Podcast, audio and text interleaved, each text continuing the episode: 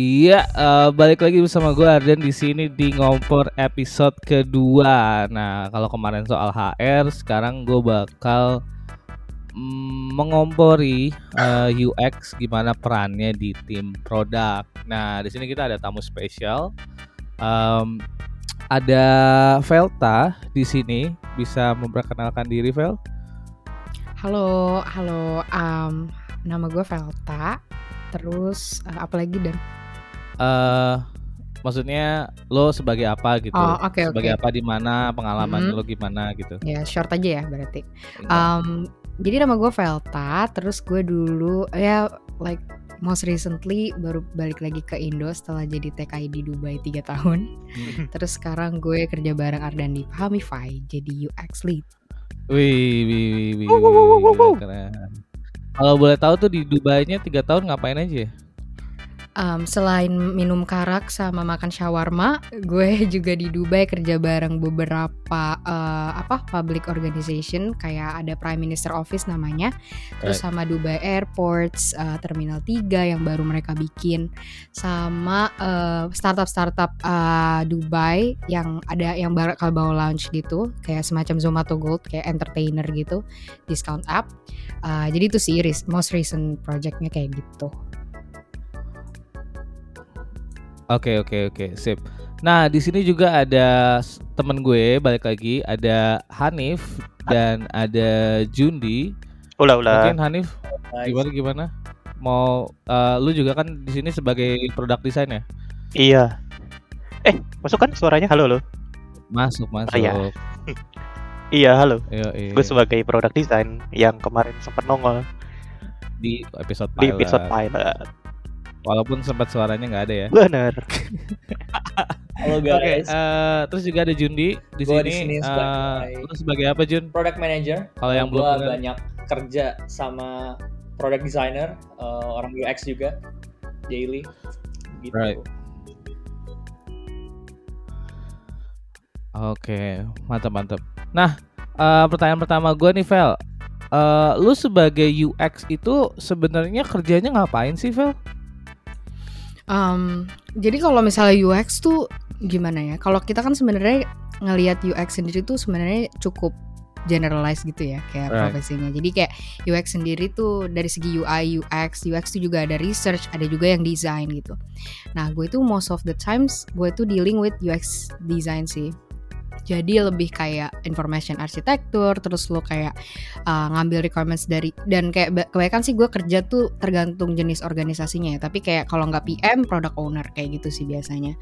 Um, right. jadi gimana caranya lo bisa translating kayak business requirements into kayak hal yang lebih apa ya lebih celing gitu buat stakeholder lain kayak gitu sih. Dan ng ngelakuin itu dengan um, apa banyak konsiderasi yang um, akhirnya lu harus uh, form into kayak rasional gitu why you do what you do gitu membantu uh, produk owner gitu ya kasarnya ya untuk untuk ke direction yang lebih oke okay gitu ya gitu nggak ah, sih? Iya benar sih.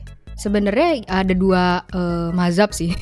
Right. yang pertama kayak uh, kalau menurut gue sendiri sih, kalau menurut gue sendiri kayak bisa dua mazhab. Yang pertama itu lo posisi lo sebagai UX itu lo work alongside them jadi right. kayak work alongside product untuk kayak itu yang tadi kayak punya the same kayak direction gitu. Cuma yang kedua itu kayak lu yang actually kayak uh, juga drive kayak this product requirement itself. Jadi yang pertama kayak lu ngikutin, yang kedua lu yang ngedrive dari segi research dan segala macam baru nanti produknya bisa nentuin kayak lu mau bikin apa kayak gitu. I see, I see. Um, terus kayak UX sendiri kan punya banyak lagi tuh turunannya ya nggak sih? Iya banyak. Nah, uh, perbedaannya apa aja sih misalkan kayak kalau yang denger gitu kayak baru tahu tentang UX itu mm -hmm. tuh kayak UX tuh ada apa aja sih kan ada UX researcher, ada UX designer, ada mm -hmm. UX writing dan sebagainya gitu ya setahu gue. Nah boleh kira-kira uh, sepengetahuan lo ada apa aja sih uh, yeah. turunannya? Ini kalau yang kita ambil dari kayak garis besar ya, soalnya kayak hmm. sebenarnya tiap organisasi tuh punya definisi beda-beda gitu kan terhadap right. kayak UX needs. Nah kalau yang gue lihat selama ini sih kalau dari UX itu kalau dari segi research itu lebih kayak buat nemuin kayak uh, apa sih kayak foundational research yang dari produk yang benar-benar belum ada dan mau di develop hmm. terus nanti ada kayak directional research di mana lu kayak mau revamp atau kan kalau sekarang kan banyak tuh aplikasi-aplikasi gede yang memang setiap tahun atau gimana mau ada revamp homepage dan segala macam dan they're doing the work the legwork gitu sebelum itu actually masuk ke UX design yang di mana lu translating this into like low fidelity wireframe, doing the design workshop, defining the flows, defining the, states. Nah nanti baru di handover lagi in between ke uh, UI the UI um, designer gitu. Nah, nanti right. lu ada tuh di situ namanya proses biasanya ya namanya content plugin itu biasa dilakuin sama UX writer. Jadi sebenarnya UX sendiri tuh menurut gue itu highly collaborative environment ya, yang di mana menurut gue sebenarnya agak susah kalau dilakuin um, gimana ya kalau dilakuin uh, in silo. Jadi kayak nunggu-nungguan gitu tuh sebenarnya agak sulit gitu. Soalnya kayak menurut gue semua orang harus aware gitu kayak ini state-nya lagi apa kayak gitu sih. I see I see. Ah kan lo tadi um, sempat ngomongin lo lama tuh di Dubai ya basically. Mm -hmm. nah itu project maksudnya kontribusi lo dalam kontribusi dalam projectnya itu tuh lebih ke arah mana sih kayak apa kalau nanyain misalkan tadi kan sempat lu bilang ada Dubai di term mm -hmm. di airportnya ya maksudnya mm -hmm. like lebih ke arah mana sih kayak uh, biar kayak sempat kebayang gitu Oke, okay, jadi gue mungkin kayak kasih gambaran uh, di actual project aja ya, kayak hmm. the flow and everything. Jadi waktu itu gue sempet uh, involve di salah satu media company buat mereka bikin revamp uh, apa news outletnya itu MBC uh, News namanya Al Arabia. Nah di situ tuh karena prosesnya adalah redesigning kayak their whole design system, hmm. uh, yang gue lakuin sebagai UX designer in charge waktu itu adalah um, gue itu banyak sekali komunikasi sama uh, internal stakeholder kayak editorial teams gitu dan karena gue di Middle East nah ini juga menarik sih karena gue di Middle East gue tuh uh, ada dua apa sih kayak jenis uh, editorial teams. Yang pertama English, yang kedua Arabic. Nah, kalau kalian tahu sebenarnya kalau misalnya di uh, Middle East gitu kan semua website, semua digital products tuh mereka punya Arabic layoutnya gitu kan. Kayak kita sebut RTL kayak gitu kan. Nah, okay. uh, yang lucunya sebenarnya uh, kayak consultants yang kerja di situ semuanya rata-rata tuh bukan Arabic speaker gitu. Jadi kayak oh. kita bener-bener harus belajar soal pertama directional, BAB directional kayak layouts dari yeah. segi kayak native Android, native Apple. Mereka kan punya guideline masing-masing kan. Nah itu sih. Jadi kayak kalau di situ kontribusi gue itu adalah bikin-bikin when it comes to design system pertama lu kan harus dari branding kitnya juga harus diubah dulu terus right. baru nanti masuk ke dalam kayak uh, ini kayak mereka kan udah ada uh, current design system dan current website dan everything kita tuh mapping bener-bener dari awal kayak as is. State-nya tuh kayak gimana kayak oh ini kayak gini kayak gini kayak gini dan kita actually divided into epics gitu loh biar kerjanya right. tuh emang lebih fokus kayak gitu. Jadi uh, yang pertama itu mungkin kalau dari gue sendiri gue involve uh, end to end gitu sih dan jadi nggak cuma when I say UX gitu sebenarnya gue juga ikut ya, andil dalam andil. high fidelity-nya juga. Hmm. Nah, kayak gitu. Jadi bener-bener from the whole research to everything in two week sprint tuh gue bener-bener ngakuin the whole kayak first week itu mau lebih kayak research and low fidelity. Nanti right. minggu depannya tuh lebih ke audit. Jadi kayak high fidelity, audit, iterate kayak gitu sih. Hmm. That's why sebenarnya um, kalau dibilang kayak makanya gue bilang tadi definisi di tiap organisasi itu beda-beda karena ada right. organisasi yang nganggap UX ya UX aja, ada yang UI UI aja, ada yang UX UI itu kayak masih abu-abu gitu loh. Hmm. Kayak. Mm -mm. I see, I see. Uh, ya, yeah. Juni mau komentar Jun? That is very interesting menurut gue. Tadi uh, bener banget, gue kan sempat ke Dubai ya beberapa bulan lalu ya. Like bulan akhir bulan Maret kemarin, gue sempat ke Dubai ada business trip uh, kebetulan ada meeting di sana dan gue ngelewatin airport dan segala macam dan gue sampai download uh, appnya mereka untuk seluler uh, Etisalat. Nah, uh, yang paling unik di sana tuh karena layoutnya itu kanan kiri kan ini ya kayak bilang opposite ya. Jadi ketika gue pertama mm. kali download appnya itu mereka by iya. default yeah. uh, modenya tuh mode yang Arabic. Jadi pas gue download di kanan semua. Terus dia ada opsi Iya. Alhamdulillah di kanan ya, baik. lu googling aja gitu gak sih Jun pas iya, lu buka iya, Google langsung, langsung di sana atau Facebook ya gak sih? Di kanan semua terus gue nggak tahu mana tombol untuk ganti bahasa kan bahasanya Arabik semua. Nah, pas gue ketemu satu tombolnya uh, di appnya pas gue klik jadi English semuanya converted menunya yang di kanan jadi di kiri yang di kiri jadi kanan dan semacam itu itu mm -hmm. unique experience sih waktu di sana menurut gue dan itu desainnya gue rasa dari perspektif mm uh, yang perlu ngedesain tuh bakalan apa ya mindsetnya perlu ada berubah tuh. Karena ada bahkan perbedaan kultur baca dari kanan dari kiri. Gitu sih. Komentar gitu. Ya, dan um, yang lucunya lagi sih ini si Jun kayak um, bukan masalah dari segi layoutnya aja, tapi hmm. juga dari segi konten gitu when it comes to kayak uh, apa sih artikel websites kan kita kadang-kadang kan ada atribut-atribut yang kayak dates terus hmm. naming convention gitu-gitu. Jadi kalau misalnya di uh, kayak di kita kan kayak 12 hmm. Februari 2021 like it's just like that gitu. Di English juga kayak gitu. Tapi di di di, di Hijaria eh, apa? Di uh, Arab Hijriah, iya. ya kayak uh, date itu tuh bener-bener bisa panjang banget. Jadi tuh emang bener-bener that's why kayak sebenarnya desainer nggak apa-apa kalau bukan Arabic speaker atau bukan native Arabic gitu. Cuma uh. maksudnya kayak di situlah kayak peran product owner sama si product manager ini sangat-sangat kayak banyak yang uh, job requirement di Dubai di mana job uh, apa first language-nya itu atau second language itu Arabic buat kayak kerja di local ini loh kayak embedded kayak tim soalnya emang dia yang harus ngedefine edge cases-nya gitu loh. Kayak mas kan nggak mungkin kan kita bisa nyamaratain kayak cuma nge-mirroring layout gitu. Ngerti gak sih kalau right, misalnya? right, ah yeah. ya jadi kayak gitu. Apalagi when it comes to different viewports kayak mobile kayak tablet kayak gitu gitu kan beda-beda. Right. jadi itu sih yang menarik juga dari segi konten itu challenging juga gitu. Iya. Terus kayak lu pas mendesain itu kan berarti mindset lu juga harus I mean ketika kita ngobrolin versi yang uh, Arabiknya ya. Kayak berarti mindset lu pun harus juga kayak gimana caranya biar orang juga uh, it's totally different mindset kan ketika di dua website itu apakah ada berarti to, uh, dua riset yang berbeda banget atau kayak emang satu riset gede epic yang dibagi dua gitu?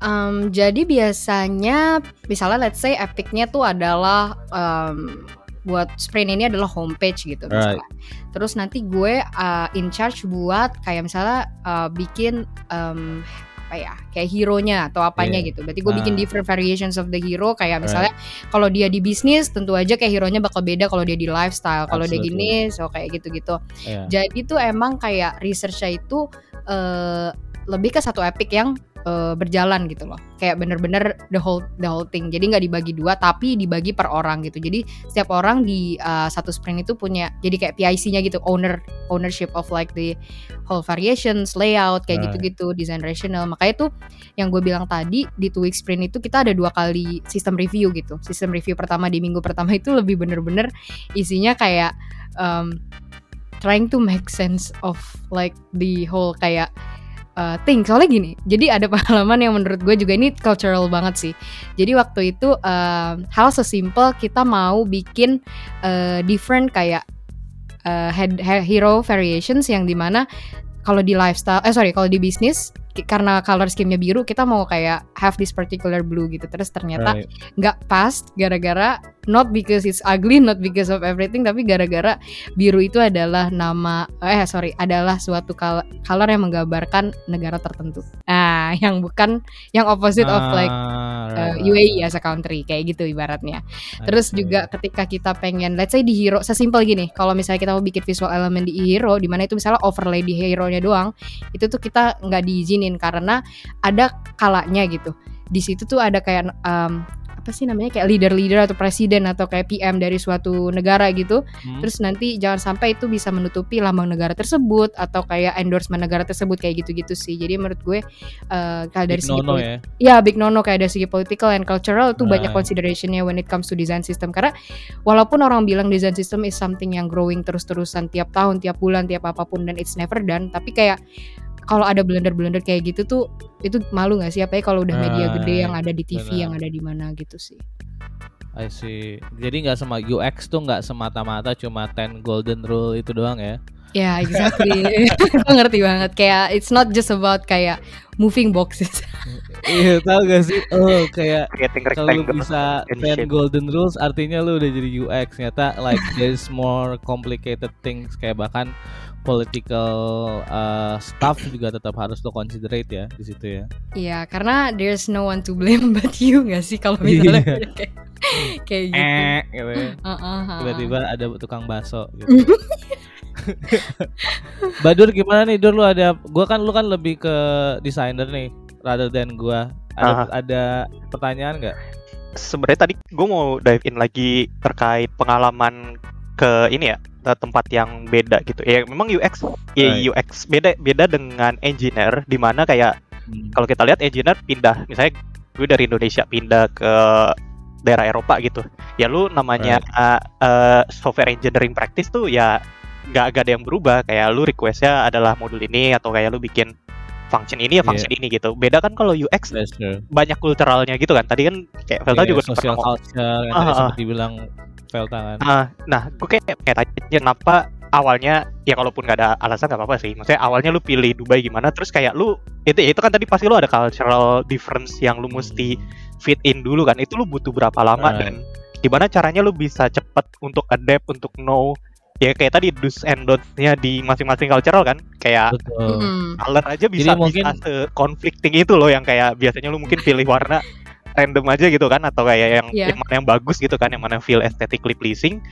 tapi kayak right. bisa jadi maknanya beda kayak gitu lu butuh butuh waktu berapa lama dan gimana caranya lu bisa cepet fit in dengan culture yang baru Nah itu juga sekalian kalau teman-teman dari yang dengar gitu kan kayak ah gue mau cobain ah ke Dubai gitu ya atau mau ke mana gitu keluar gitu. Ya. Monggo Oke, okay. uh, eh, jadi kalau jujur ya, gue dulu milih Dubai itu pas gue lagi kayak penat banget gitu di Singapura kan gue suka jalan-jalan gitu ya. Right. Terus kayak gue ngerasa di Singapura tiap minggu gue ke tempat yang sama, ketemu orang yang sama, bosan lah gue. Terus habis itu gue mikir pas lagi mau pindah-pindah negara, gue lihat-lihat, gitu ya. uh, kayak kayak um, pas gue lihat, oh gue baru tahu loh Dubai ternyata zero percent salary tax gitu. Kayak gitu gitulah terus wow. jadinya ya lu tax sebagai, invader emang ya? Ya emang gue tax invader. Jadi saat uh, sebelum 12 bulan genap gue di Singapura gue kayak right. kayak this is it gitu. Terus gue tuh gak pernah ke Dubai. Gue gak pernah transit di Dubai. Gue gak tahu right. Dubai kayak apa. Yang right. gue tahu itu cuma negara muslim. Terus kalau lu pegangan tangan di penjara. Kayak gitu loh. Uh, terus akhirnya gue culture-nya yang agak berbeda sama lu ya? Iya ibaratnya eh, maksudnya uh, uh, tapi gini gue mikir ah Dubai ah di, dirahmati Allah kali ini gue ke sana jadi gue ke sana iya. gue tuh nih jujur ya guys bukan hmm. cuma RTL RTL yang gue kayak ngerasa kayak right. um, beda gitu. Jadi karena gue se sebuta itu dengan culture gue gak punya teman gue gak punya saudara gue gak punya siapa pun yang ada di situ. Pas gue pertama kali nyampe di airportnya Dubai lu masih hmm. mending ya Jun? Gue pas nyampe ke airportnya Dubai kalau lu tahu jadi di Dubai itu yeah. ada taksi khusus perempuan. gue lihat. Right. wow uh, lo tau nggak? Lo tau nggak Jun ya ada taksi khusus perempuan. Gue kan orangnya nggak enakan uh, apa sebagai uh, orang gitu nggak enak duduk di belakang gitu. Apalagi sama-sama perempuan kan gue nggak ada ah. alasan gitu. Jadi gue mau duduk di depan. Lo tau nggak sih setirnya kan beda ya sama Indonesia sama negara Asia. Jadi gue malah gue buka tempat si mbaknya ini. Lo tau lo pernah lihat nggak sih kalau di GTA lo kayak mau nyolong terus iya. Terus pas gue duduk gue tuh kayak ngeliatin kayak lo uh, lo kok kayak Iya, aku gue kayaknya orang yang banyak tir mbaknya lagi di belakang nganuin koper gue terus dia kayak langsung dia langsung buka buka buka kayak kaca gue terus kayak GTA bener-bener dia mengambil tangan gue terus kayak don't do don't do don't do gitu. Ah oh, shit, here oh we my go God. again, gitu ya. itu tuh saking kayak bener-bener kayak RTL-nya udah kerasa batu dari situ. Jadi gue kayak eh, emang segitu butanya. Jujur kalau soal Dubai itu gue emang segitu butanya. Mayolo berarti Karena gue, ya gue jujur ya jadi itu long story short itu YOLO one trip um, ticket ya Iya terus right. terus kalau masalah kayak uh, dari segi um, fitting into the culture dan segala macam gue rasa akan sangat mudah ya orang ngelakuin itu di Dubai karena di Dubai itu Bener. semua orang pendatang ngerti nggak maksud gue oh, kayak enggak. 85% of the people itu I orang can. expat oh, oh. shit berarti kayak lokalnya iya lo dong lokalnya kebanyakan works iya, sebagai apa no apa udah uh, kaya raya? Nggak usah kerja. Pertama udah kaya raya dan udah kerja tapi ya tricky part of the Dubai world itu adalah kayak right. local itu biasanya kan di government. Paling mereka kayak hmm. uh, apa government bababa kalaupun mereka kerja di private sector private sector itu kalau lu bikin company apa pun di Dubai lu harus punya kayak local people yang kerja di sana gitu buat jadi PRO atau yang ngurusin kayak dari segi kayak ya itu balik lagi ke government dan ya. itu lagi dan itu tuh ya dan kayak Right. gitu jadi emang rata-rata mereka berkarirnya di bidang itu sih kayak public sector yang atau bikin startup atau bikin apa pun Hmm. Ya, tapi gue cuma secara statically stat- uh, statistik dia emang kayak cuma 15% sih or Oh, less. Oh. Berarti kayak bener-bener kasarnya nggak nggak yang kayak banyak lihat eh, orang-orang Timur Tengah gitu ya di sana ya bener-bener diverse ya. ya even kalaupun lu lihat itu bisa aja kayak bukan orang Emirati Emirati yang kita sebut Right. itu bisa aja kayak orang dari Saudi kebanyakan orang dari Saudi kayak eh, apa medical tourism gitu sih ke Dubai jadi emang lu bisa lihat mereka terus bla bla bla jadi em, ketika lu bikin atau desain digital product buat orang di sana eh, Right. yang lu keep it keep in mind gitu lu nggak designing just for the locals karena kayak ya itu kenapa lu Tapi- RTL aja buat ngeakomodasi Middle East eh, market gitu bukan specifically for the locals gitu Mungkin gini sih kalau gue ya, em, UX itu baru kerasa ketika lu sering traveling sih menurut gue ya. Kayak mungkin kesannya kalau em, you in the same culture terus-terusan tuh lu nggak ngerasa bahwa UX tuh things yang kayak oh obviously gitu, ya nggak sih? Kayak ketika Mhm. ketika lu cabut ke atau datang ke negara yang punya culture sendiri dan punya social culture sendiri tuh kayak itu totally different gitu. Misalkan kayak eh gimana ya bedanya? Mungkin kayak gue di Inggris dan waktu itu gue ngurusin, eh, gue datang ke rumah kakak gue di Jerman waktu itu ya. Itu tuh kayak di Jerman tuh orang masih lebih percaya uang eh uang asli gitu, bukan kayak debit card dan sebagainya. Jadi like lu harus siapin cash as eh, as always gitu. Itu aja dari situ aja model transactionnya udah beda banget gitu maksud gue ya. Sesimpel itu. Jadi kayak nggak tahu ya menurut gue sih kayak gitu ya. Yang Mm-mm. lain ada pendapat nggak menurut lo Vel? gue setuju sih. Jadi kalau itu nah ini dia juga sih di cabang UX tuh sebenarnya ada juga yang kayak namanya CX gitu, customer experience. Jadi itu lebih kayak design Bedanya apa strategist. Bedanya tuh dia buat ngurusin hal kayak gitu. Jadi yang dia lakuin itu adalah ibaratnya kayak service blueprinting. Jadi lu nggak cuma ngelihat flow dari segi teknologi aja, tapi juga lu ngelihat kayak dari segi misalnya kayak yang lu bilang tadi cash transaction. Kalau cash is the king, terus nanti dia bakal kayak mm, menurut apa nge- kayak nggak nggak arrange gitu. Kayak flow-nya berdasarkan let's say kalau orangnya pakai cash terus nanti masuk ke app tuh kayak gimana kayak gitu-gitu sih. Terus juga kayak dari segi teknologi uh, back end-nya gimana front end-nya kayak gimana kayak gitu sih. Jadi itu ada beda lagi. Tapi gue setuju sih kalau itu tuh kerasa ketika lu mulai kayak embedded di different culture. Kayak misalnya waktu itu gue Yes. ke Rusia sendirian terus um, jadi ada feature panic button gitu di Ubernya Rusia namanya Yandex gitu. Terus gue Ah. kayak ini nggak pernah. Maksudnya kalau lu di Southeast Asia kayak di Grab atau di uh, Gojek atau di mana-mana kan kayak nggak nggak ada lah panic button kayak gitu Panik ada share buat apa gitu. nih gitu? ya? Nah exactly. Nah terus gue kayak mikir apakah itu karena di Rusia kayak ada drunk driver atau gimana ngerti nggak? Right. Kayak di situ lu dari segi kayak Suka produk aja deh, udah dari segi kayak produk aja tuh lu udah yang kayak hmm mengapa ada panic button di sini ngerti gak sih maksud gue? Right, right. Heeh. itu apa ya curiosity lu jadi jadi penting banget gak sih ketika itu lu eh, udah udah kalau lu udah pindah negara pindah culture atau sebenarnya even kalau di Indonesia pun lu ketika ngerjain produk buat face sosial ekonomi ya. iya sosial ekonomi tertentu atau region tertentu aja gue sering dapat cerita juga kayak gitu bahwa kayak Right. ya itu itu pentingnya UX mungkin kalau selama ini ngerjainnya terlalu sangat apa ya eh ke culture lu sendiri itu mungkin gampang Right. cuma ya the real UX tuh lu ketika ngerjain untuk audiens yang berbeda sih tesnya tuh Hmm, mung- mungkin gue bisa share dari gue ngurusin payment kali ya di Pamify gitu ya. Em, satu insight yang gue dapet tuh untuk orang-orang daerah tuh masih lebih prefer untuk mereka ke ini gitu ke apa namanya ke Indomaret gitu ngerti gak lu? Kalau kita kan kayak aduh OVO aja lah gitu tuh gak sih? Kayak you know things yang yang eh ya transfer aja lah. Karena ternyata tuh ya tadi mungkin susah internet dan sebagainya gitu ya. Maksudnya eh lu beli ke Indomaret untuk things yang service gitu tuh kayak still um, maksudnya di situ aja decision gua gua harus mem- memasukkan decision itu untuk dalam membuat produk juga gitu dan gua nggak akan tahu itu kalau tim UX nggak punya apa nggak nggak nggak in depth juga ngebahas ke arah behavior orang-orang di daerah gitu itu juga things yang things yang menurut gua salah satu peran UX sih. Kalau Iya, uh, uh, terus um, gue paling gini ya. Um, enggak ya, eh, paling gini. Mungkin eh, next questionnya adalah em, kalau misalkan sebagai UX nih, sebenarnya skill apa sih yang harus dipunyain?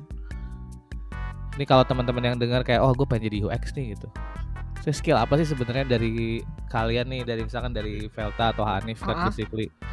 Sebenarnya em, untuk tim UX itu harus punya skill apa sih? Siapa dulu nih Dan? Ah, Velta dulu lah. Velta dulu lah. Kan lo kan tamunya. Oh, oke. Eh, kalau dari gue sendiri sebenarnya uh, satu sih yang menurut gue paling penting yaitu the skill of being flexible gitu. Karena gue yang gue lihat sih dari industri gue gitu orang-orang tuh kayak kayak seakan-akan ada kitab tersendiri gitu how to be a UX designer atau UX researcher yang kayak Right. Nah, pokoknya lu design, uh, ideation, bla bla bla, iterate gitu. Tapi kan setidak uh, kalau lu lihat di lapangan, kalau lu udah terjun ke industri kayak sebenarnya nggak nggak sesaklek itu gitu loh. Terus kayak ya. some certain Harus kayak ya. approach. Iya, benar harus adapt dan kayak certain kayak things yang kayak design workshop, design sprint gitu-gitu may not work in certain organizations atau kayak kalaupun iya nggak efektif. Jadi lu tuh harus gimana caranya lu bisa muter otak gitu Right. soal hal itu. Terus yang kedua menurut gue yang penting juga uh, ini spesifik tuh kayak UX design menurut gue atau product design in general juga keep in mind soal accessibility itu gitu. Jadi misalnya gini, kalaupun lo ada di different market, different culture, lo juga harus mikirin dari segi kayak um, seberapa accessible sih uh, produk yang lo bikin dan lo juga harus keep in mind kalau nggak semua orang uh, kayak uh, able gitu loh ibaratnya kayak gitu. Eh, jangan ber jangan fokus ke asumsi ah orang pasti akan kayak gini gitu ya. Iya dan coba designing for wider audience juga gitu. Right. Kayak gitu. Oke oke. Dari Badur Badur Gue mau nge-second omongannya si Velta dulu sih. Eh gue agree Gimana? di Boleh, boleh.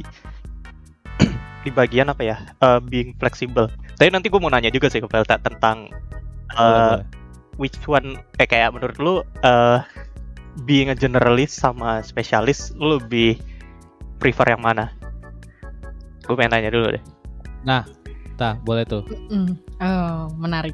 Eh, menurut gue gimana ya? Gue selalu ngerasa dua-duanya balik lagi em, tergantung sih. Kalau gue sendiri, gue Lu, prefer lu to sendiri deh, lu sendiri ya. Lu sendiri sekarang Iya. melihat lu Eh. sendiri Setelah pengalaman lu Mm-mm. ber Oh, oke oke. bertualang di bidang UX nih, what would you prefer dan kenapa? Gue ngerasa generalist all the way sih. Kayak Why? karena ketika gue eh masa gini it's good to be a specialist in one thing tapi kalau lu jadi generalis eh, salah satu um, yang gue rasain sih sekarang kayak um, ketika lu jadi generalis lu jadi berpikir kayak dalam apa ya di level yang ini gitu kayak berbeda gitu. Dalam arti lu kayak jadi lebih mungkin jadi bisa lebih considerate gitu kali ya to other things gitu. Dan um, salah satu yang gue pengen ini sebenarnya kayak kuat di design ops ya salah satunya gitu obviously karena kayak yang gue handle sekarang nggak cuma desain gitu Right. kan kayak research juga kayak gitu jadi kayak menurut gue uh, it's good to be a generalist karena uh, di situ lu bisa coba mastering ya itu coba mastering uh, things yang lu nggak pernah gitu sih Karena lu sebagai generalis bisa nge-hire spesialis gitu ya. Iya maksudnya eh, ya gimana gitu tapi ya nasa lu jadi bisa ngakses kebutuhannya gitu kan Yes, ibaratnya yes. Aha. Gimana Dur? ya sebenarnya ya ya generalis tuh sebenarnya jadinya ya itu lebih fleksibel cuma lu mesti punya eh, untuk untuk menjadi generalis kalau lu cuma jadi jack of the trades kan lu juga kayak eh, ah apa ya kurang kurang interesting juga ya. Jadi lu tetap mesti punya kalau menurut gue mesti punya satu lah ya yang strong gitu. Kayak Right. tadi Velta mau bilang kayak gue mau strong di desain offset juga. Jadi kayak lu punya sesuatu yang strong tapi generalis tuh maksudnya lu melebarkan knowledge lu juga kayak gitu. Eh, kalau dibilang tuh kan ya banyak sering eh, diomongin tuh T-shape gitu kan T-shape T-shape. ya kan Iya. Ya, lu Ada satu punya- yang satu lu punya lu punya Dalam- depth gitu kan jadi ya lu emang punya value Iya. terhadap sesuatu hal yang lu accumulate over the years gitu yang experience tertentu gitu kan lu lu sukanya oke gue suka tentang ini misalnya visualnya atau kayak Right. eh researchnya kayak gitu tapi lu mencoba tadi opening up hal-hal lain even kayak sekarang lu pun belajar even belajar bisnis untuk tahu konteks misalnya PM atau kayak bisnis bahkan politik tadi. Ah even politik kayak gitu lu juga jadi ngerti kan bahwa kayak decision Iya, making lu untuk memilih warna aja kayak oh lu dengan ngerti politiknya eh, negara itu lu oh oke kalau tone-nya kayak gini bisa bisa menjadi salah paham kayak gitu. Eh in the long run generalis memang kayak membuat lu lebih fleksibel dan kayak hireable mungkin. Karena ya ketika ketika changes dikit ya lu udah udah ngerti jump in ya karena lu tahu some of the Iya. knowledge tapi lu bisa tetap bring something to the table gitu ya. Kayak oke gue bisa ini loh kayak gitu. Tapi lu minta kayak gini gue ngerti juga kayak gitu Iya, setuju setuju dan iya bener sih. kalau Dan gue Hah? ah, lanjut lanjut lanjut lanjut Vel lanjut Ah, Vel iya karena kayaknya gue juga orangnya cukup diplomatis ya. Jadi gue tadi kayak um, ngomongnya juga generalis and stuff karena gue ngerasa kayak um, ya gimana ya? Eh jangan deh ini nggak nggak nggak po- politically correct kalau gue ngomong. kenapa tuh Ini Kenapa? cut aja ya dan. Aja ya, dan. kenapa kenapa kenapa Karena gue ngerasa kayak generalis tuh kayak um, kayak uh, demokratik gitu. Sedangkan kalau sosialis tuh komunis di mana kayak sebenarnya gue, gue pengen sih kayak gitu. Cuma kayak gue belum cukup berani gitu. untuk Gitu menjadi sih. komunis enggak enggak, bukan untuk komunis, untuk open up menjadi Oh, komunis, open up. eh gimana? Untuk coming out of the closet sebagai komunis gitu. waduh. Aduh ini gue harus nge-cut cut nih berarti. Kita, eh, iya kita. our product ya. Our eh. this is not your product this is This our is our product. saya udah ini Semua ya. Udah ada satu Juni- menit Juni ini ada, loh. Juni, Juni ada ini enggak Juni ada Gue mau nambahin dulu pendapat dong tadi yang eh, Oh, kalau iya, dari boleh, gue kalau Iya, iya. penting apa ya salah satu hal yang mungkin penting ya eh, being a good team player sih sebenarnya itu kadang apa ya di- desain itu karena subjektif terkadang akhirnya terbawa ego kan apalagi di awal-awal misalnya kayak lu wah gue pengen wah punya Ini punya gue nih punya gitu. iya atau kayak punya apa sih idealisme Ownership. idealisme Oh, kan iya, desainer kan punya idealisme. tertentu gitu kan Right, right. ego tertentu itu tuh kalau di awal-awal ya lu gue gue sering sih makin makin makin tinggi levelnya atau makin senior tuh biasanya ya itu kadang kan jawabannya lebih diplomatis cuma kayak hmm, kenapa yang membuat kayak gitu tapi memang eh lama kelamaan lu mesti menjadi a good team player lebih banyak dengerin lebih banyak kayak apa cari apa ya cari irisan jalan tengah yang Hmm. terbaik kayak kayak gitu loh kayak not only uh, only kayak membu ya itu nggak nggak nggak selamanya nih lu membuat ya itu cuma rectangle oval segala macam tapi ya lu lama-lama mesti negotiating lu mesti apa ya menjadi medi mediator gitu juga kan kadang kan ngomong antar, Hmm. antar engineer kadangan maunya gitu misalnya kan kadangan susah gitu misalnya engineer siapa implement sesuatunya gitu ya. Uh, uh, terus bisnisnya tiba-tiba maunya kayak gini sedangkan usernya Nah. mau kayak gini lu yang di tengah-tengah yang kayak kayak gue mesti ke arah mana nih menemukan jalan tengah yang terbaik kayak gitu I see. Mm-mm. Jadi kalau gue sendiri masa iya sih Dur kalau menurut gue um, mungkin karena udah capek juga kali ya jadinya diplomasi dalam arti capek di sini tuh antara kayak lu sadar bahwa ego tuh nggak akan ngebawa ke mana-mana gitu Betul. tapi kayak Nah, kalau lu kayak trying to kayak make pe- kayak gini loh ibaratnya yang udah jelas tuh you can't satisfy everyone gitu kan Hmm. Nah, Hmm. tapi gimana caranya supaya apa ya? You you're making it efficient for yourself. Ya udah, jadinya kayak gimana pun caranya ini win-win solution buat A, gimana win solution buat B, gimana ini lama-lama lu jadinya kayak ngikutin ombak, tapi tetap Right. Gimana ya? Gimana ya caranya lu bisa tetap idealis tapi tetap ngikutin ombak tuh dengan cara lu jadi diplomatis gitu. Kayak misalnya sebenarnya- ya. Iya sebenarnya lu tuh tetap misalnya kayak gue tetap mau A tapi cara lu nyampein cara lu itu seakan-akan tuh lu nggak mau aneh jadi kayak mungkin kita jadi lebih pintar buat pintar-pintar buat kayak nge wordingnya aja sih Iya nggak sih kadang-kadang one, juga. one for you, one, one for you, one for me gitu ya. iya iya iya Jundi, Jundi gimana? Ada pendapat nggak Jun? Gua Generalis atau poin-poinnya Velta gue tadi sangat setuju spesifik? karena sepertinya gue satu alignment dengan Velta. Menurut gue itu uh, poin-poinnya kalau ini ya dari pengalaman gue pun gue juga seperti itu dan mulai seperti itu. Jadi uh, biasanya di tempat kerja di workplace itu uh, being generalis itu kalau menurut gue sangat-sangat uh, asik satu karena biasanya orang generalis itu melihat uh, ber, hal itu uh, dengan eagle eye view jadi secara holistik. Dan biasanya kita right. memang diekspektasikan untuk uh, connecting the dots sama yang lain. Dan itu menurut gua hal yang asik buat generalis connecting the dots dari beberapa hal yang kayaknya kalau kita zoom in tuh nggak ada kaitannya tapi pas kita zoom out tuh ada kaitannya. Terus berkaitan sama yang diplomatis tadi itu menurut gue juga poin yang uh, bener banget setelah gue juga alamin di beberapa tahun ke belakang di bahasa AI di startup dan itu hal yang bener-bener sebetulnya penting banget sih di workplace diplomatis.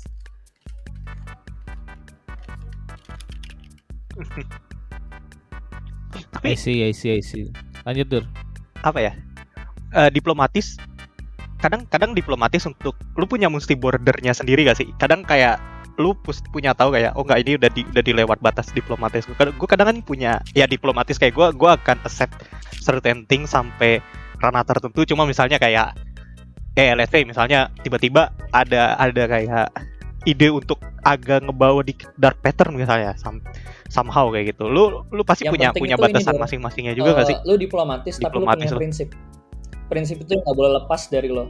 Jadi iya yeah, Benar. itu yang jadi jadi batasan maksimal lu kan. Kalau udah ngelewatin prinsip, prinsip lu ya lu enggak kayak gitu. Lu tetap punya mungkin kalau di produk no. kayak kita tuh pokoknya prinsipnya kita nggak boleh ngurangin faktor ah. ini gitu. Tapi yang lain masih bisa inilah masih bisa kita kompromi.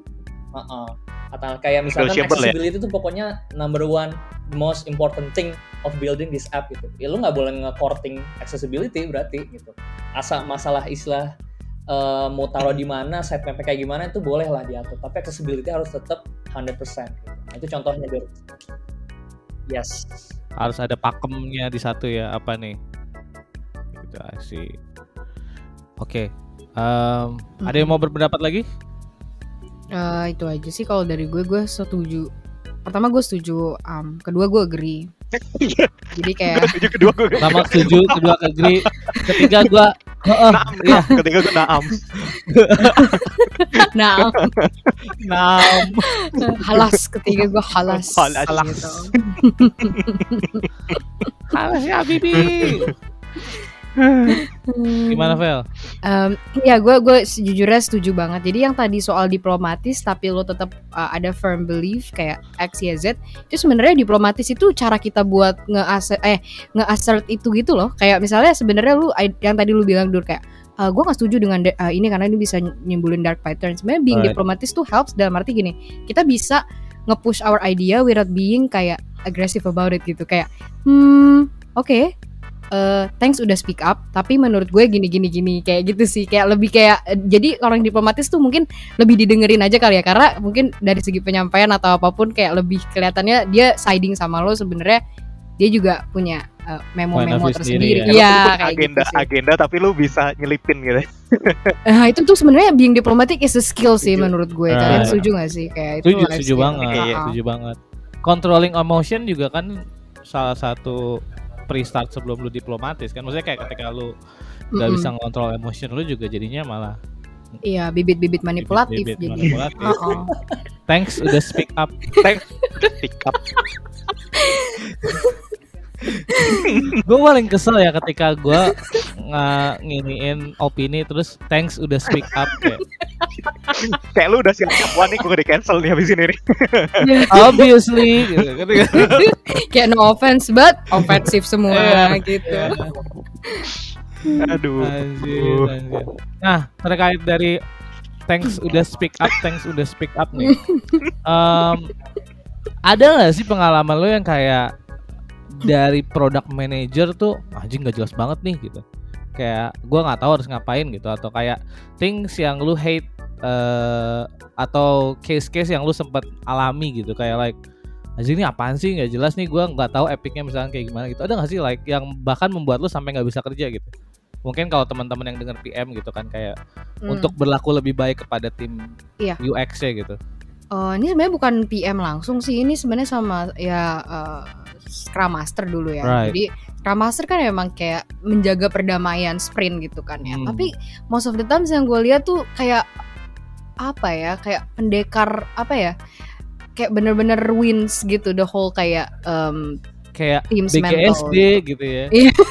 BG gue sadar lagi kayak BGSD dan kayak kenapa kenapa kenapa ya karena gini jadi kalau kalian tadi cerita, dengar cerita gue ada segala macam UX itu kan sama lah kayak kayak engineer dan segala macam kita semua Hmm. punya proses masing-masing gitu kita semua punya ways of working yang beda-beda gitu bahkan tiap Right. orang bahkan tiap tim kayak gitu jadi tuh yang gue suka ngelihat eh, Scrum Master tuh suka ngedisrupt karena Scrum Master tuh seakan-akan punya goal buat nyelesain ini dalam sprint ini misalnya kayak gitu With any means necessary gitu ya. with any means necessary jadi kayak Right. um, karena dia juga nggak in our shoes. Dia nggak ngejalanin proses yang kita jalanin. Kayak misalnya dia minta eh bisa nggak sih? Misalnya nih for example kayak bisa nggak sih kayak eh, research tuh selesai hari ini jam 5 gitu. Kayak sebenarnya kan di research itu kayak kita harusnya punya buffer time gitu-gitu loh. Ngerti nggak sih? Ngerti nggak betul. sih maksud Apalagi kan kalau research sendiri kan lo nggak bisa bener-bener patok banget karena kan ah. depends on the case ya.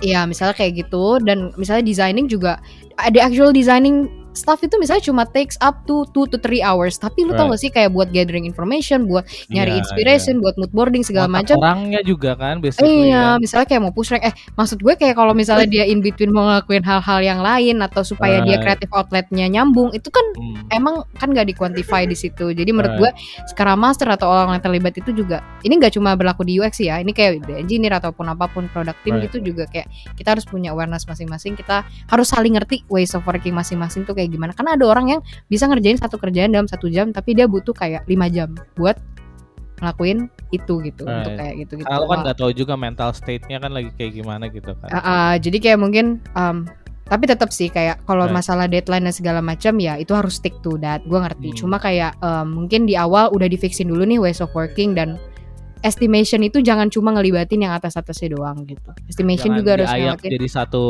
jadi satu ayakan Iya. gitu ya. Iya, jadi kayak operatorsnya juga harus tahu kayak, oh oke, gue butuh segini. Jadi nanti dia juga diajarin buat speak up gitu loh, kayak Right. "Hmm, gue nggak ngerasa tiga hari itu visible, kayak gitu-gitu. Karena ini yang gue lihat ya dari beberapa, eh maksudnya kayak dari engineer team yang dulu gue bareng mereka, terus designer tim yang sama kayak gue juga, kita tuh Hmm.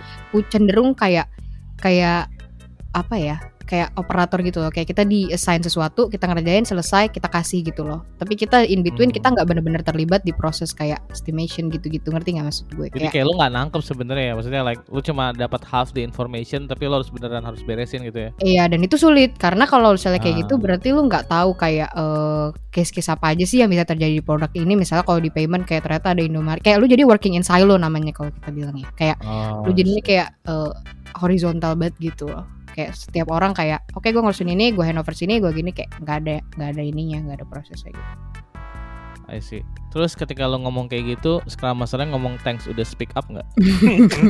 dia cuma bilang sih kayak cukup sedih ceritamu kawan tapi maaf semen ini tidak bisa menghadap dirinya sendiri kayak gitu sih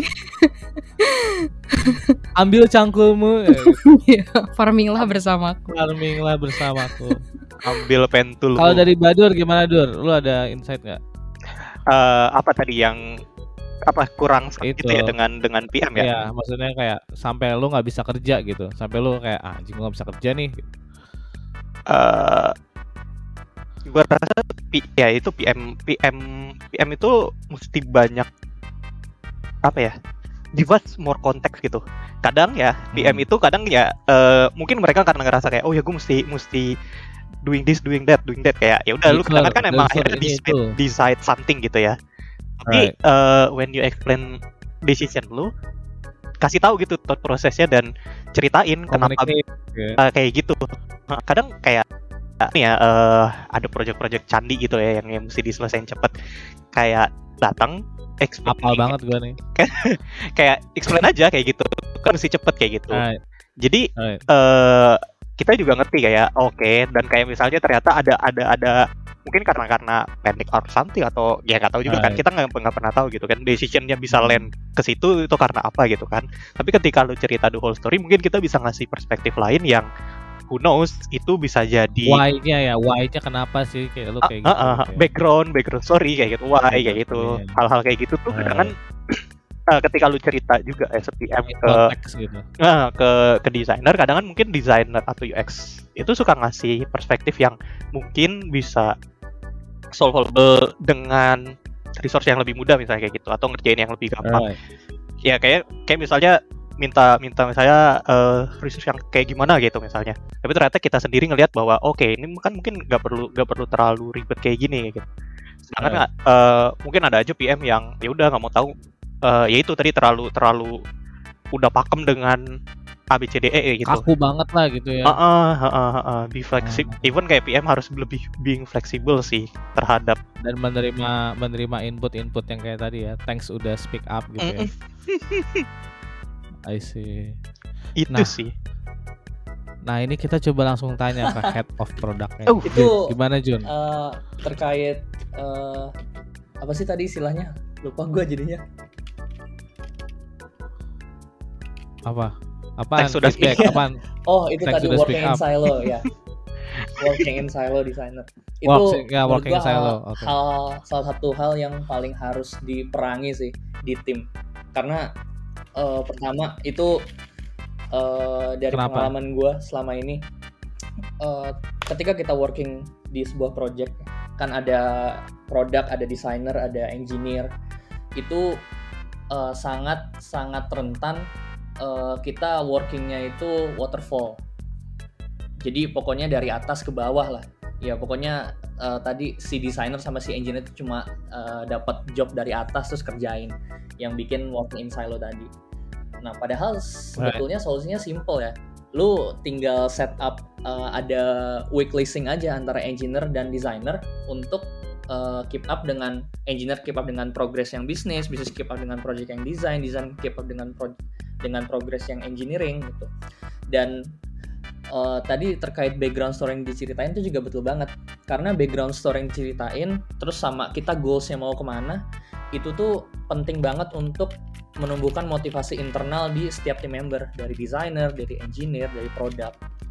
Karena eh, kalau yang gue pernah bilang itu istilahnya without knowing the goals, it is very difficult to score. Itu itu bener banget di tim.